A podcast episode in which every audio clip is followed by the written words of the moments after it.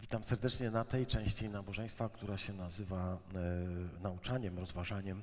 E, ja osobiście nie lubię słowa kazanie, ale ono tak przylgnęło do, do tego, e, co robimy na nabożeństwie, że aż trudno uwierzyć. Dzisiaj mam kazanie napisane wespół zespół z moją wnuczką Antoniną, bo kiedy ja pisałem swoje, to ona na kartce pisała swoje i mam dzisiaj ślady tego, że pisaliśmy razem. Dziękuję Antonina, że mi trochę pomogłaś podkreślając, czy kreśląc to, czego nie powinienem powiedzieć.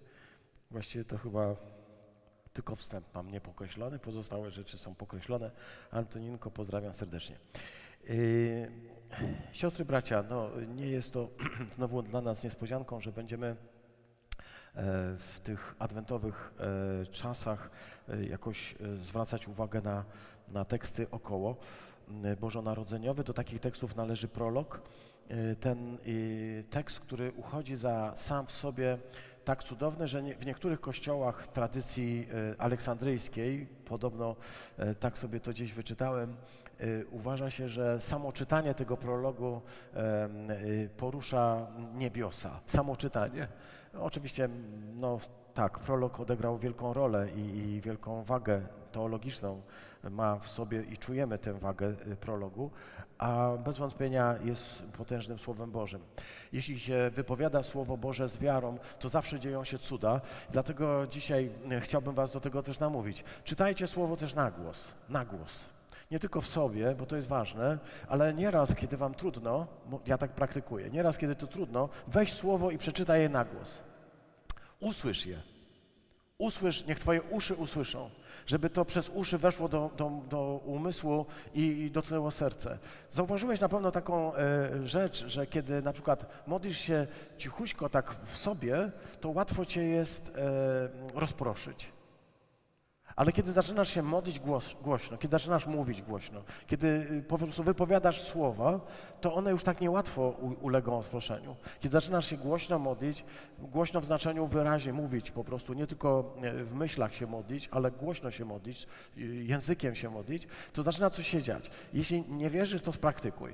Zobacz, jaka jest różnica między tym, kiedy siedzisz skupiony i się modlisz tak.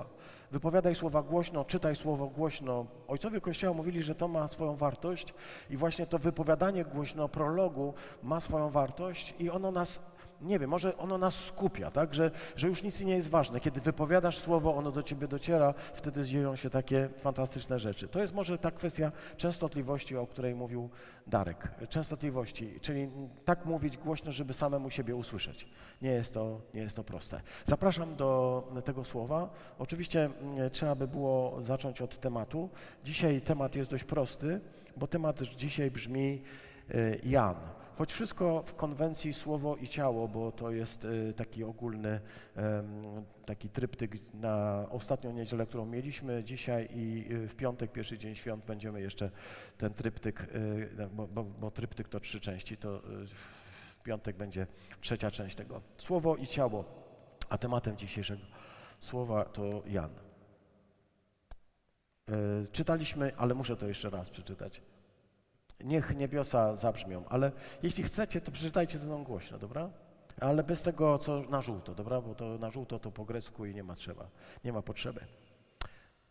Na początku było Słowo, a Słowo było u Boga i Bogiem było Słowo. Ono było na początku u Boga. Wszystko przez nie się stało, a bez niego nic się nie stało. Co się stało, w nim było życiem a życie było światłością ludzi, a światłość świeci w ciemności i ciemność jej nie ogarnęła. Stał się człowiek posłany przez Boga, Jan mu było na imię. On przyszedł na świadectwo, aby zaświadczyć o światłości, by dzięki niemu wszyscy uwierzyli. On sam nie był światłością, lecz miał zaświadczyć o światłości. Jan świadczył o nim, wołając, wołał mówiąc: To ten, o którym powiedziałem, ten, który przychodzi po mnie, był przede mną, ponieważ był pierwszy ode mnie. Amen. Dziękujemy Ci, Panie, za Twoje potężne słowo, za to, że to słowo nie straciło nic ani z aktualności, ani z mocy To słowo jest tym narzędziem, które Ty posyłasz na ziemię jak rosa, jak woda, jak deszcz i nie wraca do Ciebie próżno. I nie wraca, póki nie wykona pracy. I dziękuję Ci za to, że posyłasz to słowo również dzisiaj do naszych serc, abyśmy mogli usłyszeć, uwierzyć i oddać Ci chwałę. Aby nasze życie zostało zmienione przez moc tego słowa, który kruszy kajdany, który rozbija mury, który powoduje totalną zmianę. Dziękuję Ci za to, że ono działa potężnie i działa w cichości, działa w ciemności, działa tam, gdzie nie widzimy, ale wciąż działa. I za to Ci dziękuję, Panie Boże Wszechmogący. Amen. Tak nawiążę do świadectwa, bo będę chyba dzisiaj częściej do niego nawiązywał, ale też do e, moich e, umiłowanych e, inżynierów, tak powiem, czyli tych wszystkich, którzy no, zajmują się tymi naukami ścisłymi. Mi się podoba, że w, w, Biblii kilka razy jest o automatyce powiedziane, jak wiecie, nie? Na przykład w jednym miejscu, gdzie jest e, powiedziane o tym, jak Piotr wychodził e, z, z, tego więzienia, gdy go anioł wypuszcza. Pamiętacie, tam jest taka scena, że bramy się otworzyły i tam jest napisane, że one otworzyły się automatycznie, automatykę, tak jest powiedziane. Ale też jest powiedziane, że e, ziarno, które rzuca rolnik w ziemię, ono się, czy on czuwa, czy nie czuwa, ono rośnie. I tam też jest użyte słowo automatycznie. Ono rośnie po prostu samo w sobie, bo ma życie. E, czyli dla braci automatyków jest dzisiaj słowo. E, mam nadzieję, że e, będziecie mogli też coś więcej przyjąć niż tylko to. Przeczytałem fragment z, razem z Wami z 6 do 8, a potem 15 wiersz, bo ten fragment znajduje się w, w tym wątku, który od, odkrywamy w prologu. Jeśli mm, pozwolicie, to może mm, zacznę od takiego stwierdzenia, że mm, Nikt, e, żaden kaznodzieja, nikt, który mi jest znany, a pewnie i Wam, nie jest w stanie powiedzieć kazania, które może trafić do wszystkich. E, to jest bardzo dziwne, że nieraz jakieś e, słowo trafia do nas w sposób zaskakujący. Dzisiaj Darek tę zasadę potwierdził, przypominając w świadectwie to, co się wydarzyło z jego własnym kazaniem albo z jego własnym rozważaniem, z jego własnym świadectwem kiedy Renia y, przekazała mu taką dobrą nowinę, że ona usłyszała, ale to, co powiedział, y, jest dla mnie szczególnie ważne, bo myślę, że stając tutaj przed Wami wielokrotnie, mając świadomość własnej ułomności i tego, że jestem człowiekiem, który mm, y, próbuje, a mm, Pan Bóg, e, jeśli chce, łaskawie się do tego przyznaje, e, mówić kazania, mówić rozważania, nauczać, mam głęboką świadomość, że pierwszym odbiorcą każdego mojego kazania jestem ja sam. I to jest jakby takie moje przekonanie, taka rzecz, którą chciałbym, e, żebyśmy wiedzieli, bo to, co Darek dzisiaj powiedział i, i to myślę, że jest poruszające, to to, że to słowo na koniec trafia do Niego w tym sensie, że on je wypowiada, to słowo niby jest y, słowem skierowanym do kogoś, a ostatecznie okazuje się, że Bóg mu to przypomina ustami jakiejś innej osoby, by ostatecznie ono z powrotem do nas wróciło. Czy to nie jest właśnie tak ze słowem? Za każdym razem, kiedy głoszę, mam takie wrażenie nieodparte, że to, co mówię, mówię do siebie, to znaczy kieruję do siebie, a wy jesteście troszkę obserwatorami mojego wewnętrznego dyskursu, który jakiś taki wewnątrz prowadzę. I jeśli kiedyś tak się trafiło, że mówisz po prostu, nie mam pojęcia, o czym ten facet gadał, co on tutaj chciał powiedzieć, to pomyśl sobie, coś widocznie do siebie gada. Wiecie, ludzie, którzy mówią do siebie, nie uchodzą specjalnie za zbyt y, rozgarniętych, nie jak do siebie gada. No więc y, kaznodzieja, ja tak wierzę, głęboko jestem przekonany, że to posługiwanie słowem polega na tym, że, że przekazujemy je e, przede wszystkim sobie, do siebie, mówimy do siebie i to jest chyba jakaś taka sztuka kaznodziejska. Jeśli to, co mówisz, nie jest dla ciebie e, czymś, co Bóg buduje, to tak naprawdę nie będzie nigdy dla nikogo. Jeśli ty nie wiesz, po co to mówisz i jaki jest cel tego, co mówisz, to też nikt nie będzie wiedział, jaki jest cel. Ono musi być najpierw do ciebie. Mi to kojarzy się z mieczem obosiecznym, czyli z taką bronią, w której ostrze jest i z jednej, i z drugiej strony. I kiedy Biblia mówi, że słowo jest mieczem obosiecznym, to znaczy, że możesz nim uderzać y, w, w stronę przeciwnika, ale pamiętaj, że ostrze jest skierowane także w twoją stronę. I że to powoduje, że to nie jest tak, że ty tym słowem możesz komuś obcinać uszy, bo to nie do tego jesteśmy powołani. Ten obraz obciętego uch, ucha, e, pamiętacie, tak? E, to nie jest tak, że my ze słowem mamy obcinać uszy, bo, bo rzeczywiście jest takie kaznodziejstwo, którego celem jest obcinanie uszu. Tak? Takie działanie, że człowiek już przestaje słyszeć. E, ile razy tak się zdarzało? Siedzisz i po prostu nie słyszysz, nie? Kaznodzieja skutecznie obciął ci uszy w czasie mówienia, jak Piotr e, w ogrodzie oliwnym, po prostu z jakichś tam powodów. Ale pamiętaj, że to ostrze jest także skierowane do ciebie.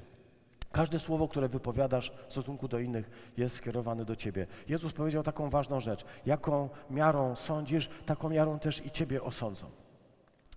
E, wracam do tego, co jest dzisiaj mm, podstawą. Dzisiaj chciałbym się przyjrzeć pewnemu człowiekowi, który trafił do prologu w przedziwny sposób.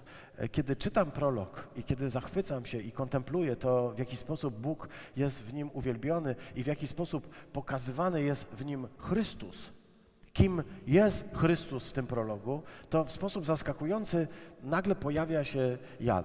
Nie macie takiego wrażenia, że ten Jan pojawia się troszkę tak, no wolelibyśmy, żeby było więcej o Chrystusie.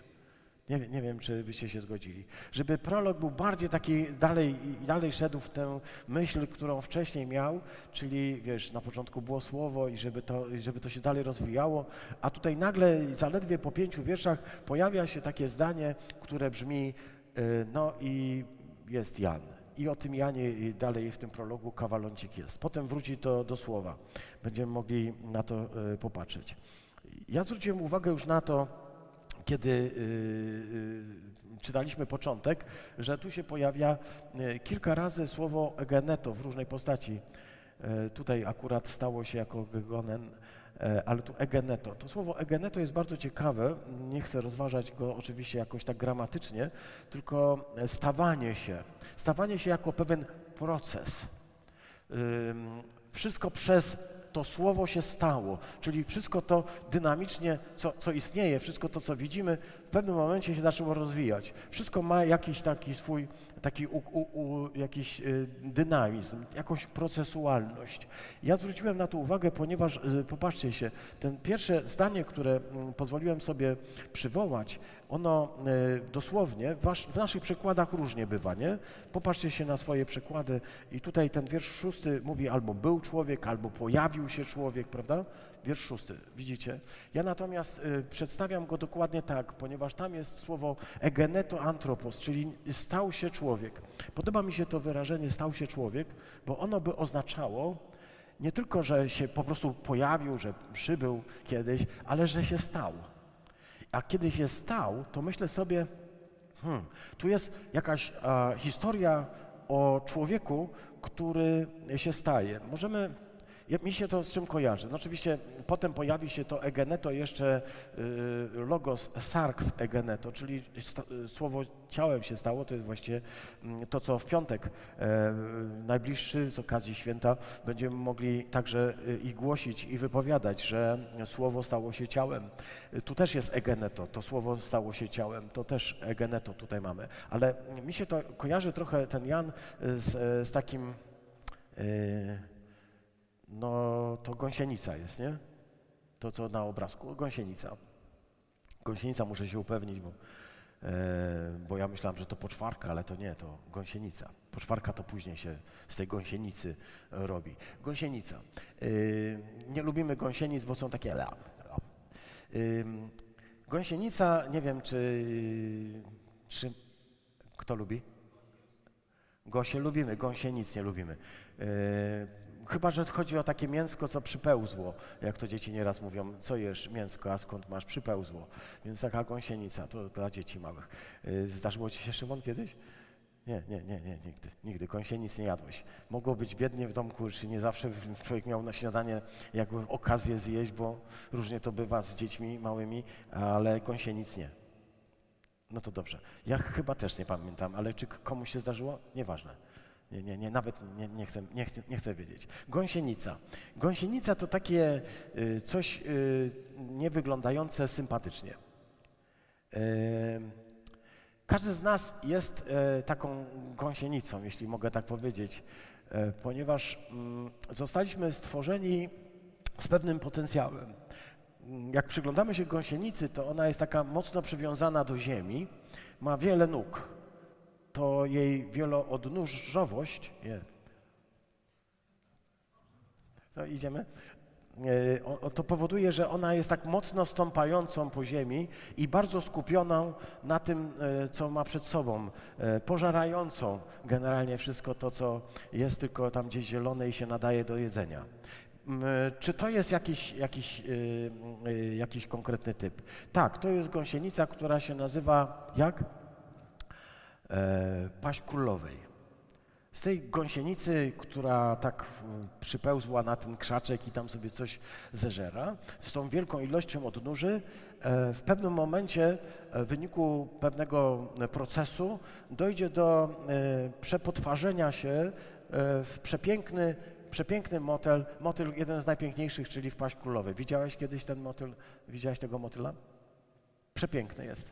Kolorowy, bajeczny, czy możesz sobie wyobrazić, że ten motyl jeszcze niedawno był taką poczwarką, czy taką gąsienicą, która mocno skupiona zeżerała te liście, a teraz nagle e, ona, e, ta, e, ten piękny motyl, staje się takim czymś zupełnie innym, tak? Nie przypomina zupełnie gąsienicy, jest po prostu bardzo efemeryczna, bardzo taka ulotna, ale przepiękna, przepięknie wyglądająca, a przede wszystkim, a przede wszystkim zupełnie oderwana od tego, co do tej pory było. Do tej pory była skupiona na jedzeniu, na chodzeniu, miała dużo liści, trzymała się mocno tego wszystkiego, i skupiona na tym, by to wszystko pochłaniać. A teraz nagle y, wylatuje gdzieś w powietrze i zaczyna y, karmić się nektarem, zupełnie czymś innym, zupełnie coś innego. Motyl, czy ta gąsienica stała się motylem. Ja chcę powiedzieć, że mi to pasuje do tego, mm, co czytam Egeneto Jana. Stał się człowiek posłany przez Boga, Jan mu było na imię. On stał się człowiekiem. To znaczy, potencjalnie każdy z nas, jak się rodzi, jest człowiekiem. Nikomu tego nie możemy odebrać. Ale jest to pewna potencjalność. Z tej potencjalności możemy skorzystać lub nie. Czy tak y, antropologia biblijna może rzecz stawiać? Bóg powiedział: Stworzeni jesteście na mój obraz i na moje podobieństwo. Co by znaczyło, nie mniej, nie więcej, jak to, że Bóg chce, byśmy byli podobni do Niego i byśmy byli y, jakby stworzeni na Jego obraz i stworzeni do tego, by być do Niego podobni. Człowiek jest tym, kim jest, jeśli staje się coraz bardziej podobny do Boga. Dopiero wtedy, gdy z fazy mm, gąsienicy skupionej na ziemi i na tym chodzeniu po ziemi i na tym zeżeraniu wszystkiego, co jest, jakby skupiony wyłącznie na tej aktywności, rozpozna, że nie jest tylko do tego, tylko został stworzony, by podobać, by być podobnym do Pana Boga. Dopiero wtedy osiąga status y, człowieka. To znaczy ten status jest potencjalnie zadany każdemu, każdej istocie ludzkiej od poczęcia, jak głosimy i to jest bardzo ważne, ale bardzo istotne jest, że nie wszyscy dostrzegają ten cel i nie wszyscy rozumieją, że bycie człowiekiem to nie tylko to, że masz ręce, nogi, głowę i możesz ewentualnie mówić, ale to jest coś głębszego, coś poważniejszego. Jan stał się człowiekiem. Mi się to bardzo podoba. Dlaczego? Bo to nie jest tylko tak, że urodził się i był człowiekiem, tylko stawał się. Człowiekiem się stajemy. Czyli może być tak, że człowiek y, w znaczeniu potencjalnie istnieje jako, jako byt, ale skupiony jest trochę jak ta gąsienica wyłącznie na tym świecie i nic więcej nie widzi. Dopiero kiedy Bóg zaczyna do człowieka przemawiać, człowiek staje się, powolutku odrywa się od tej mm, całej y, y, jakby to powiedzieć, natury, w której jest do tej pory skupiony całą swoją energią i zaczyna myśleć o czymś, co jest zupełnie z innego świata. Wyobraź sobie, że taka gąsienica, czy ona może sobie wyobrazić, do czego Bóg ją powołał? Czy taka gąsienica, patrząc na latające motyle, może im zazdrościć myśleć, jak one pięknie fruwają, a ja tylko siedzę i przylepiona do gałęzi, myślę tylko o tym, że muszę zeżrać następną, następne liście i następne liście i następne liście, bo coś mnie pcha. Chcę Ci powiedzieć, e, że jeśli e, jesteś chrześcijaninem, to jesteś człowiekiem, który został uwolniony przez jakby moc Chrystusową do tego, by przepotwarzyć się z takiego zwykłego zjadacza chleba i abyś stał się człowiekiem. Jan ten proces przeszedł. Ten proces oznacza y, rozpoznanie, do czego Pan Bóg mnie stworzył, do czego jestem, do czego zostałem powołany. I chcę się Was zapytać, czy ten proces y, rzeczywiście jest taki, że już go rozpoznaję, że, że Bóg powołał Cię do czegoś więcej niż tylko do tego, żebyś siedział na y, drzewie i jadł liście. Do czegoś więcej byś tylko myślał, tak jak cały ten świat, o tym, żeby mieć i żeby yy, błysnąć i żeby yy, coś móc innym udowodnić i pokazać. Bóg powołał Ciebie do zupełnie innych rzeczy niż wszystko to, co jest naokoło. To znaczy, Bóg powołał Cię do tego, byś oderwał się od tego świata, będąc w nim w pełni i zaczął go postrzegać zupełnie inaczej. Byś uzyskał te skrzydła, które ma motyl, byś mógł zacząć fruwać. Bóg powołał cię do zupełnie innej rzeczywistości. Nie do tego, żebyś wciąż i wciąż wpatrywał się tylko w to, co masz zjeść i co masz, y, gdzie masz pracować i, i co jest twoim zadaniem, ale abyś mógł zostać przedpotworzony w coś zupełnie nowego, coś wyjątkowego, w coś radykalnie innego. Kościół jest takim miejscem, gdzie się gąsienice zamieniają e, w, w motyle. Albo przynajmniej powinien być takim miejscem, gdzie się gąsienice zamieniają w motyle. Ja widziałem wiele gąsienic. Bogu dzięki, że widziałem też całe mnóstwo motyli. Mogę zobaczyć tych, którzy zostali no, y, przekształceni. Rozpoznali to, że nie są powołani tylko do tego, by y, funkcjonować w tym świecie i myśleć jak ten świat. Jesteśmy naprawdę powołani do czegoś innego. Jan to rozpoznał. Bogu niech będą dzięki za każdego, kto to rozpoznał. Chcę się Was zapytać, czy już to rozpozna, rozpoznaliście? Czy rozpoznajecie to w Waszym życiu? W jaki sposób Bóg zmienia Waszą e, wyobraźnię przez wiarę, e, także w to, kim jesteście i do czego jesteście powołani? Jaka jest Wasza e, misja, z którą Bóg Was posyła? To jest właśnie to, o czym dzisiaj chcę powiedzieć. Stał się człowiek posłany przez Boga. I tutaj zaczynamy tę historię. Stał się człowiek posłany przez Boga. Możemy powiedzieć tak. To co, to, co jest zaskakujące, to to, że tam jest znowu słowo apostello, znaczy jakaś postać tego słowa, czyli Bóg posyła Jana. E, stał się człowiek posłany. On sam nie rozpoznał tego i nie sam się nie wysłał. Tak?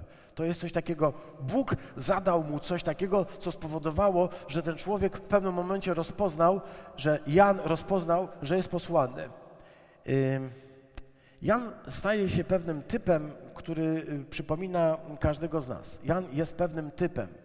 Ja nawet bym powiedział y, jakimś y, takim doskonałym typem każdego z człowieka, który jest związany z Chrystusem. Zobacz, że w tę historię o narodzinach Chrystusa Jan jest wpisany, że ten prolog o Chrystusie ten cudowny prolog o tym cudownym Zbawicielu, jakim jest Logos, jakim jest y, Chrystus Jezus, zostaje wpisany człowiek, jakim jest Jan. Ja myślę, że to nie jest y, przypadek, ani nie jest trochę szkoda, że ten prolog jest przerwany taką dziwną narracją o Janie, ponieważ ten Jan reprezentuje Ciebie i mnie. W tę historię Jezusa jest wprowadzony człowiek, który się staje w wyniku procesu.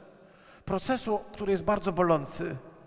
Słuchając dzisiaj e, świadectwa Darka, myślę sobie, odkrywamy, jak e, potrafi być bardzo bolący ten proces stawania się. Przez to, kiedy człowiek musi powiedzieć z przykrością, że, że się czuje zawiedzony tym, co Bóg robi, że Bóg nie realizuje tak, jakbym chciał mojego życia, aż do momentu, kiedy człowiek przedziwnie rozpoznaje, że to wszystko jest w jakimś jego ręku pięknie zebrane i że on wyprowadza z tego wszystkiego jakieś dobro, abym stał się naprawdę człowiekiem. Kiedy e, ten człowiek jest wprowadzony w tę historię logosu, tę historię prologu, i kiedy ten człowiek ma tak szlachetnie na imię jak Jan, czyli Bóg jest łaskawy, Bóg jest litościwy. Bóg jest litościwy, bo to oznacza imię Jan. To odkrywamy coś jeszcze, coś yy, yy, przepięknego, ponieważ możemy zobaczyć, że ten yy, posłany przez Boga Jan y, będzie jednocześnie i świadkiem, i wielkim nie. Jeśli Bóg jest wielkim tak, i ciągle możemy powiedzieć, kiedy y, y, mówię o Logosie, o Bogu, to mogę powiedzieć tak. Bóg jest potężny, Bóg jest cudowny, Bóg stał się człowiekiem, Bóg umarł na krzyżu, Bóg powstał z martwych i na wszystko odpowiem tak, tak, tak. To kiedy dochodzę do, do człowieka, to na większość muszę odpowiedzieć nie, nie, nie. Zresztą jeszcze może za chwilkę jakby tę, tę myśl rozwinę, jeśli nie jest zbyt jasne. Y, zwrócę Waszą uwagę na to, bo wydaje mi się to jest dość istotne, ponieważ gdybyśmy sobie pomyśleli, gdzie się ta historia zaczyna, gdzie się zaczyna historia Jana, ta historia oczywiście zaczyna się gdzieś tam w Judei, y, y, trochę Łukasz na ten temat tę narrację opowiada, ale mm, potem Jan, jako już dorosły mężczyzna, staje przed ludem i zaczyna głosić im pewne proste poselstwo, które brzmi jak, że nam blisko. To znaczy, nawracajcie się i pokutujcie, ponieważ przybliżyło się Królestwo Boże. Tak brzmi poselstwo Jana Chrzciciela. I to, co on mówi, jest ważne, ale także to, gdzie to mówi, jest ważne, ponieważ jest napisane, że to y, mówił w Betanii, ale nie tej koło Jerozolimy na Górze Oliwnej, tylko tej nad Jordanem. To jest, taka, to jest taka miejscowość naprzeciwko Jericha, po drugiej stronie Jordanu. Tak zresztą tam ten tekst, y, jakbyśmy go sobie dalej, ten tekst Ewangelii Jana mówi. Ta Betania była naprzeciwko Jericha, po drugiej stronie Jordanu. Czy wam to coś mówi, siostry bracia? Że ta Betania jest po drugiej stronie Jordanu. Oczywiście yy, może to wygląda na to, że się historyk czymś zafascynował, nie, nie. Chcę powiedzieć, że dokładnie to było to miejsce, bo też po drugiej stronie Jordanu, naprzeciwko Jerdycha, było jakieś ważne wydarzenie w życiu pewnego męża Bożego, który ma na imię Eliasz. To właśnie tam, po drugiej stronie Jordanu, Eliasz został wzięty na rydwanie do nieba. I tam rozpoczyna swoją misję Jan, o którym później Chrystus Jezus powie, że gdybyście chcieli wiedzieć, to On był właśnie Eliaszem. To jest właśnie Eliasz. To znaczy, to jest zapowiedziany yy, poprzednik Mesjasza, tego, który będzie głosił yy, opamiętanie i przygotowywał cały lud na przyjęcie Mesjasza. Ciekawa rzecz, że historia Jana zaczyna się w tym miejscu, dokładnie w którym kończy się historia Eliasza. I to po raz kolejny pokazuje nam taką wyśmienitą prawdę, że każdy z nas jest jakby pewnym takim elementem w Bożym planie, który e, w pewnym momencie e, e, jakby zamyka swoją aktywność, a następny idzie kawałek dalej. Następny idzie kawałek dalej. Eliasz w tym miejscu kończy, w tym miejscu zostaje zabrany i w tym miejscu rozpoczyna Jan i rozpoczyna, jakby kontynuuje jego misję. Nieraz ta, ta kontynuacja bywa po ośmiu wiekach, tak było w wypadku Jana i w wypadku Eliasza, po ośmiu wiekach, ale fantastyczne jest, że w Bożym planie ta nić się nie zerwała, tylko się kontynuuje. I popatrzcie na swoje życie. Ty też jesteś kontynuatorem pewnych rzeczy, które były już wcześniej. Bóg Cię wprowadził w pewną rzeczywistość, którą chce kontynuować to, co rozpoczynał z prorokami, to rozpoczynał z apostołami. Jesteś jakby w tym miejscu, w którym ktoś zakończył swoją służbę, a Ty masz iść dalej. Popatrz się w ten sposób, bo Bóg Cię powołał i posłał do pewnego zadania, byś kontynuował tę misję, którą y, y, rozpoczął y, przed Tobą nie jeden wielki mąż, tak jak Eliasz. Kiedy e, czytam ten tekst i kiedy się nad tym zastanawiam, przychodzi mi oczywiście na myśl również i psalm ósmy, przepiękny psalm, który, e, w którym czytamy to, te słowa, dobrze go znamy, mianowicie e, czymże jest człowiek, że o nim pamiętasz i czym Syn Człowieczy, że się o niego troszczysz. Uczyniłeś go niewiele mniejszym od Boga, chwałą i czcią go ukoronowałeś. ukoronowałeś. Zwrócę uwagę na to, ponieważ gdy mówię, że Jan stał się człowiekiem, stał się pewien e, człowiek, stał się mm, e, Jan, to myślę sobie, rzeczywiście fascynuje mnie to, że e, Bóg chce ze mnie zrobić kogoś, no inaczej powiem. Czy człowiek brzmi jakoś specjalnie ekscytująco? Czy to, że jesteś człowiekiem, brzmi specjalnie ekscytująco? Przepraszam, Wojtku, że się posłużę Twoim przykładem, ale on zawsze mi przychodzi na myśl, gdy y, Cię widzę, ten, y, ten ta, ta anegdota, którą Twój tata kiedyś opowiadał, o tym, jak oglądałeś mm, y, skoki narciarskie i jak to pewnego razu Małysz y, po raz kolejny zresztą zwyciężył w skokach narciarskich i y, speaker radiowy się tak, czy telewizyjny się zachwycał, mówił Polak wygrał, Polak wygrał, Polak zwyciężył i wtedy Wojtuś powiedział, tak jeszcze będąc małym chłopcem, byłeś małym chłopcem, powiedziałeś, no yy, też bym chciał być Polakiem. Polak zwyciężył, Polak zwyciężył. I Wojtuś mówi, też bym chciał być Polakiem, żeby zwyciężyć. To jest y, fantastyczna rzecz. Odkryć E, coś takiego, że bycie człowiekiem jest czymś wyjątkowym. Patrzę się na ten psalm i myślę sobie tak. E, Bóg mówi, chwałą i dostojeństwem e, go ukoronowałem, a ja myślę sobie, patrzę się na człowieka i ja tego nie widzę. Patrzę się na ludzi i ja się tym nie zachwycam. Ja nie dostrzegam piękna, ja nie dostrzegam korony stworzenia. Ja widzę ludzi z problemami, ludzi, y, którzy często są małostkowi, ludzi, którzy są mało życzliwi. I nieraz myślę sobie, że właściwie, jak to jeden z filozofów powiedział, ludzi pełno, a człowieka nie ma. Wiesz, e, co mam na myśli? Jakby nie osiągają, e, nie osiągają stanu człowieczeństwa.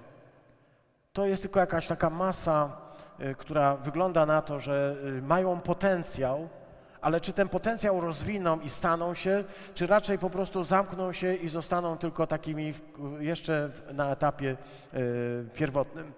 Tutaj ten psalm mówi o czymś, co jest fantastyczne. Mówi o takim zachwycie Pana Boga, właściwie nad człowiekiem. Czym jest człowiek, że pamiętasz o człowieku?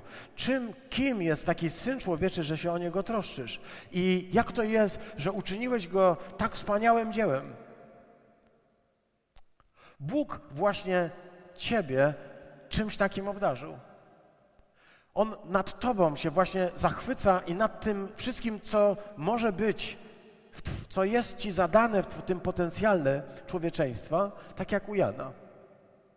To jest e, dla mnie fantastyczny tekst, który zawsze będzie chyba lubił czytać i, i, i śpiewać, ale też chciałbym, e, żebym mógł mi tak o, o, osiąść umyśle, bym mógł patrzeć na innego człowieka w tej perspektywie Pana Boga, który widzi człowieka jako kogoś wyjątkowego.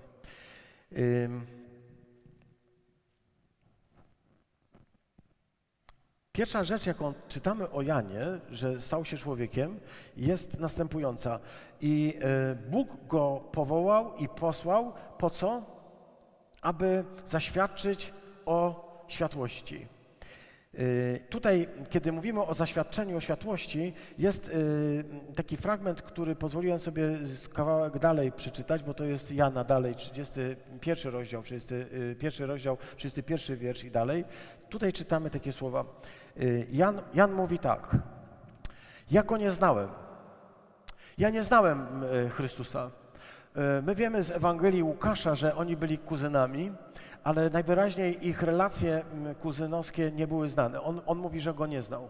Możliwe nawet, że wiedział, że to jest jakiś, że on ma jakiegoś kuzyna, ale nie wiedział, że właśnie ten kuzyn, ten y, człowiek żyjący gdzieś w jakimś Nazarecie, ubogi krewny gdzieś tam jakiejś Marii, jakiegoś Józefa, jest wybranym Synem Bożym. Nie wiedział o tym. Ta tajemnica Marii, tajemnica Elżbiety gdzieś została zachowana. Może dlatego, że wiary nie da się tak po prostu przekazywać na zasadzie z ojca na syna, tylko trzeba odkrywać ją, na nowo stawać się y, zachwycony. I dlatego Jan mówi, ja go nie znałem, lecz dlatego przyszedłem chrzcić wodą, aby tak został objawiony Izraelowi. I zaświadczył tak, ujrzałem ducha, który stępował z nieba, jakby gołębica i na nim pozostał. Ja wprawdzie go nie znałem, lecz ten, który posłał mnie chrzcić wodą, zapowiedział mi tak, gdy zobaczysz, że na kogoś stępuje duch i na nim pozostaje, to wiedz, że on będzie chrzcił Duchem Świętym. I zobaczyłem to, więc poświadczam, on jest Synem Bożym. Bóg w tej całej historii posyła Jana, by ten złożył świadectwo i ten rozpoznał, że Jezus jest rzeczywiście Mesjaszem, który ma przyjść. Że Jezus jest Mesjaszem, który został przez Boga powołany, ale kimś więcej. Jezus jest Synem Bożym. To, e, co nas zachwyca e, w, tym, co czytamy, nie tylko w tym fragmencie. Mm, kiedy czytam e, ten, te, te zdania, które tutaj Jan wypowiada na temat świadectwa, to bardzo ciekawa myśl się tutaj pojawia, moim zdaniem. Pojawia się Jan w takiej głębokiej relacji ze swoim Bogiem, ponieważ ten Bóg już mu wcześniej mówił: Słuchaj, um, jeśli zobaczysz kogoś, na kim spocznie Duch Święty, to wiedz, że ten właśnie jest zapowiadany Mesjaszem. Um, Bóg posłał e, te rzeczy do serca Jana, by jego przekonać, aby on stał się świadkiem wydarzeń, ale by też był świadkiem Chrystusa. E, kiedy chrzcił jedną po drugiej osobę w Jordanie, wiemy to też z narracji i Łukasza, i Mateusza, że w pewnym momencie rozpoznał, że Jezus jest tym zapowiadanym Mesjaszem. Powiedział nawet takie zdanie, nie jestem godzien rozwiązać rzemyka u Twoich sandałów, to Ty powinieneś mnie ochrzcić, a nie ja Ciebie. Pamiętacie ten dialog, przepiękny dialog, który pokazuje, e, że Jan jest człowiekiem głęboko, głębokiej pokory. To w pewnym momencie e, pojawia się też taka myśl. Jan rozpoznając, że Chrystus, że Jezus z Nazaretu jest tym zapowiadanym e, Chrystusem, jest jednocześnie przekonany, że to jest ten, który będzie chrzcił Duchem Świętym. I mówi, ja wprawdzie go nie znałem, ale Bóg do mnie mówił już. Bóg do mnie już wcześniej mówił, że się pojawi ktoś, kogo mam zapowiedzieć i przedstawić. To jest ta misja, którą nazywamy nieraz Jestem drugi. Ona polega na tym, że rozpoznaję, że moim celem, celem mojego życia, celem całej mojej e, chrześcijań, e, chrześcijaństwa, całego mojego chrześcijaństwa, tego bym był chrześcijaninem, jest to, by rozpoznać w Jezusie Mesjasza i żeby o Nim świadczyć.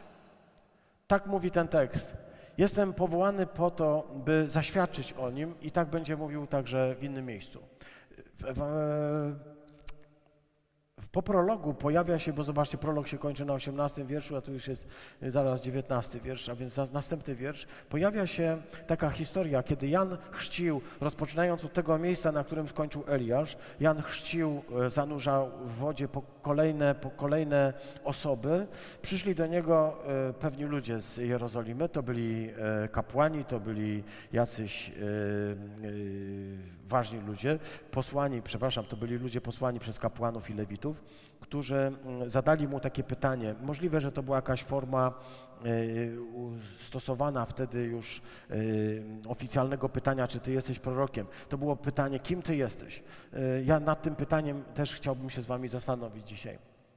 Kim jesteś? Wtedy on wyznał i nie zaprzeczył i powiedział, ja nie jestem Chrystusem. Zwrócimy uwagę na następne nie, na wielkie nie e, Jana. Ale zacznę od tego. To jest e, fantastyczne zdanie mm, Jana, bardzo mi się podoba, jest bardzo ważne. Bardzo ważne, żebyśmy je mogli zaaplikować w naszym życiu. Bo co to znaczy, że ja nie jestem Mesjaszem? To znaczy, y, rozpoznaję, kim nie jestem, ale jest jednocześnie przekonany, że nie jestem zbawicielem, że nie jestem zbawcą, że nie jestem w stanie wszystkim pomóc i wszystkich uratować.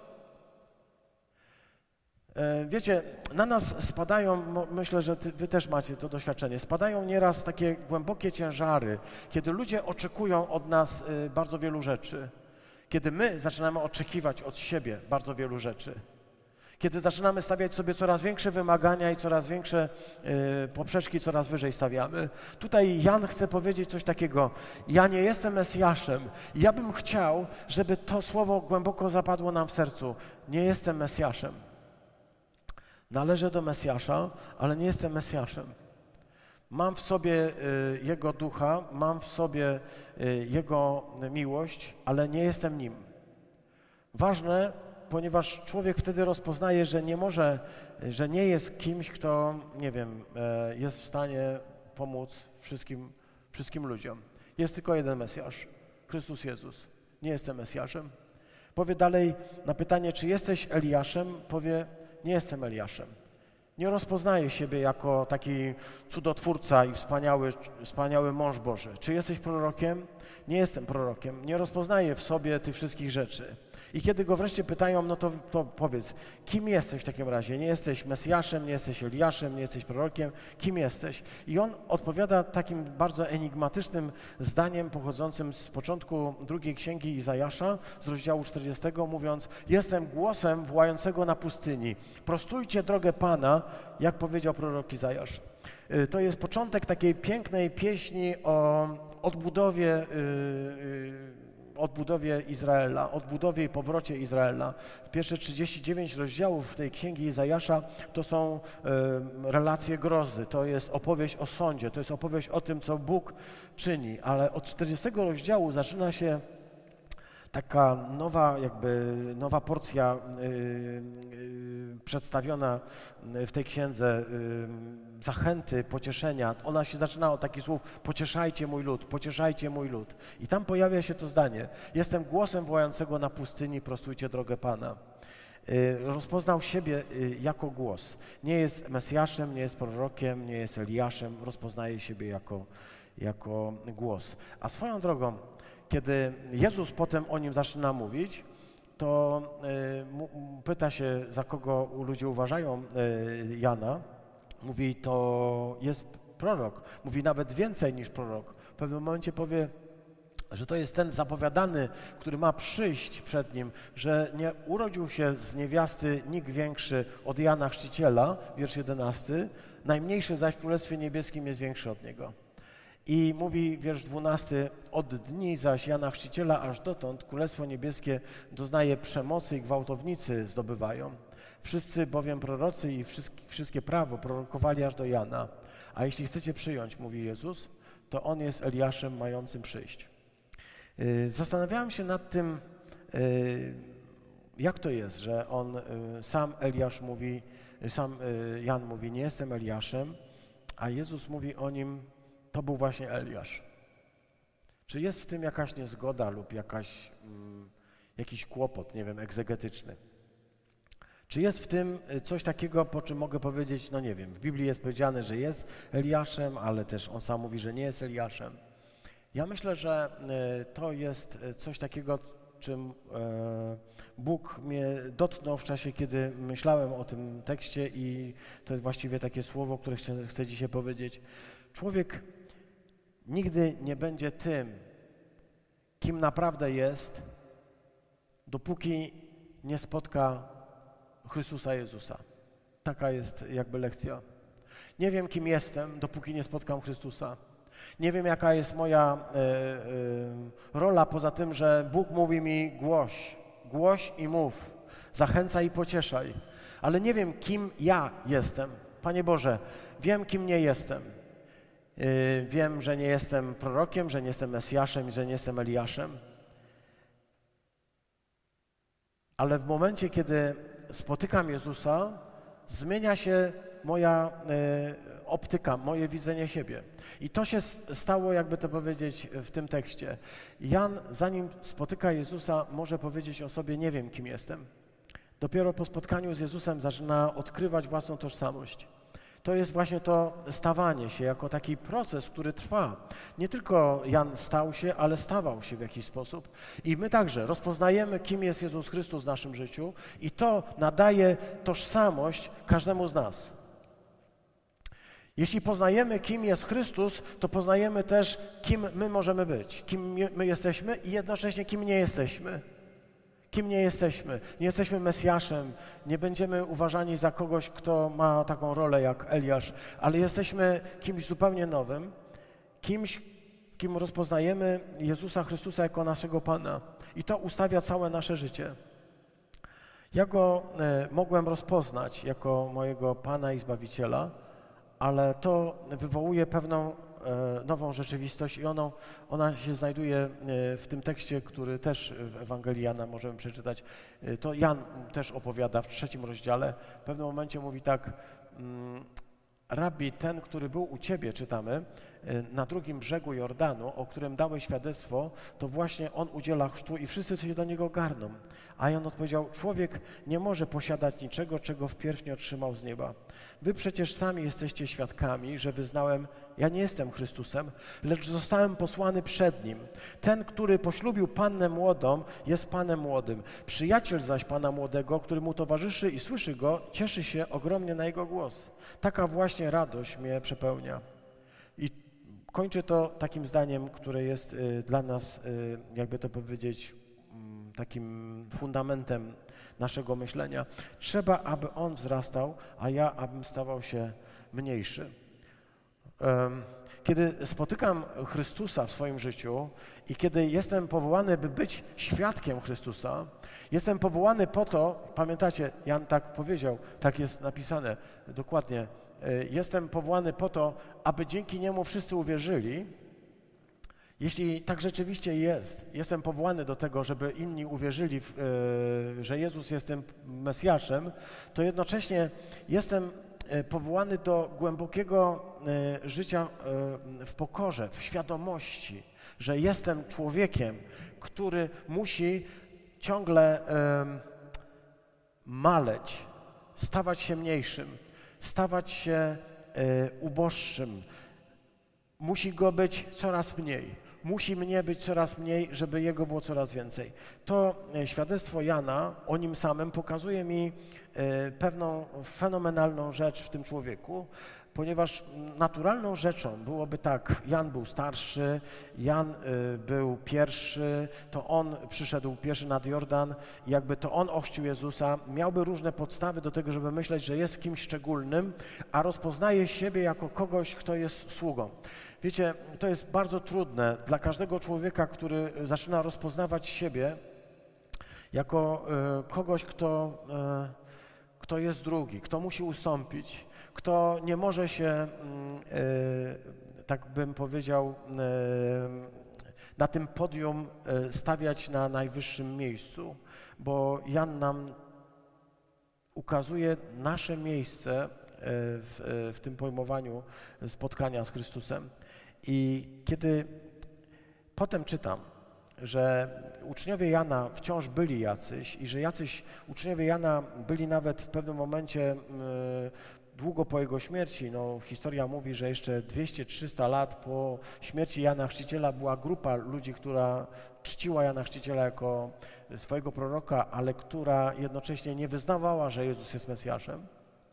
To jest taki dziwny, y, taka dziwna sytuacja, w której której e, ludzie przywiązują się do jakichś nauczycieli i do jakichś e, osób tak bardzo, że te zaczynają im e, przyćmiewać samego Chrystusa Jezusa. I Jan uczy, że on jako prorok, jako mm, człowiek, który szuka Pana Boga, jako głos zaledwie Pana Boga, jest kimś, kto umie się wycofać, jest kimś, kto umie się uniżyć, jest kimś, kto umie wskazywać na, na Chrystusa. I czy to się jakoś mieści także z tym, co mówi święty Paweł w pewnym momencie? Paweł mówi, jedni drugich uważajcie za wyższych od siebie. Żebyśmy mm, taką postawę umieli mieć, jaka jest w Janie Chrzcicielu, bo tylko taka postawa pozwoli nam doświadczyć tego, czym naprawdę jest y, inkarnacja, czym naprawdę jest wcielenie i czym naprawdę są święta Bożego Narodzenia. Kiedy możemy się cieszyć z tego, że ktoś większy od nas przychodzi, że ktoś, kto jest malutki, okazuje się potężnym Bogiem. Ktoś, kogo ja przyjmuję jako Pana, wydaje mi się y, zupełnie tak e, w powietrzu, okazuje się, przewraca moje życie do góry nogami i wywołuje fenomenalne rzeczy w moim życiu. To coś takiego malutkiego, jak ziarko gorczycy, coś niewielkiego, coś, co powoduje, że dzisiaj zmienia się optyka mojego życia. To się dzieje w życiu Jana i dlatego Jan jest wprowadzony w prolog, ponieważ jest człowiekiem, który rozpoznał swoje człowieczeństwo. Chciałbym, żebyś wiedział, że Bóg powołał Cię nie do tego, żebyś jak gąsienica resztę życia przeżył na e, myśleniu o tym, jak zdobyć jedzenie i co tu zrobić, żeby dotrzeć do następnego listka, ale abyś rozumiał, że Bóg powołał Ciebie, byś mógł wznieść się z aniołami i oddać Mu chwałę, by okazało się Twoje piękno, Twoja e, wyjątkowość, Twoje e, powołanie i abyś mógł z tym rozradować całe niebo, jednocześnie gotowy do e, podnoszenia innych. Takie jest to poselstwo o Janie. Niech Bóg błogosławi wszystkich tych, którzy słuchają Słowa Bożego. Amen. Dziękujemy Ci, Panie Boże nasz, za to, że posyłasz Słowo, które może poruszyć nasze serca. Dziękuję Ci za to, że ono może przemienić zwykłego zjadacza chleba w kogoś, kto doświadcza przemiany na podobieństwo gąsienicy motyla. A to jest jeszcze nic w porównaniu z tym, co Ty chcesz zrobić ze zwykłym zjadaczem chleba.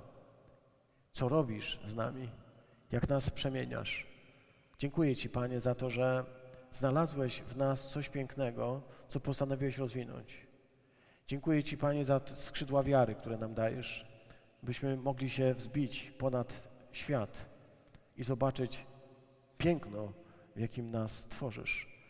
Panie, dziękuję Ci za to, że nie musimy e, nosem w świecie być, ale możemy zobaczyć to wszystko, co na nas stworzyłeś, zupełnie z innej perspektywy, bo chwałą i dostojeństwem nas ukoronowałeś. Tobie dzisiaj składamy dziękczynienie. Spraw, abyśmy jak Jan mogli być takimi świadkami, świadkami wiary przez Chrystusa naszego Pana. Amen.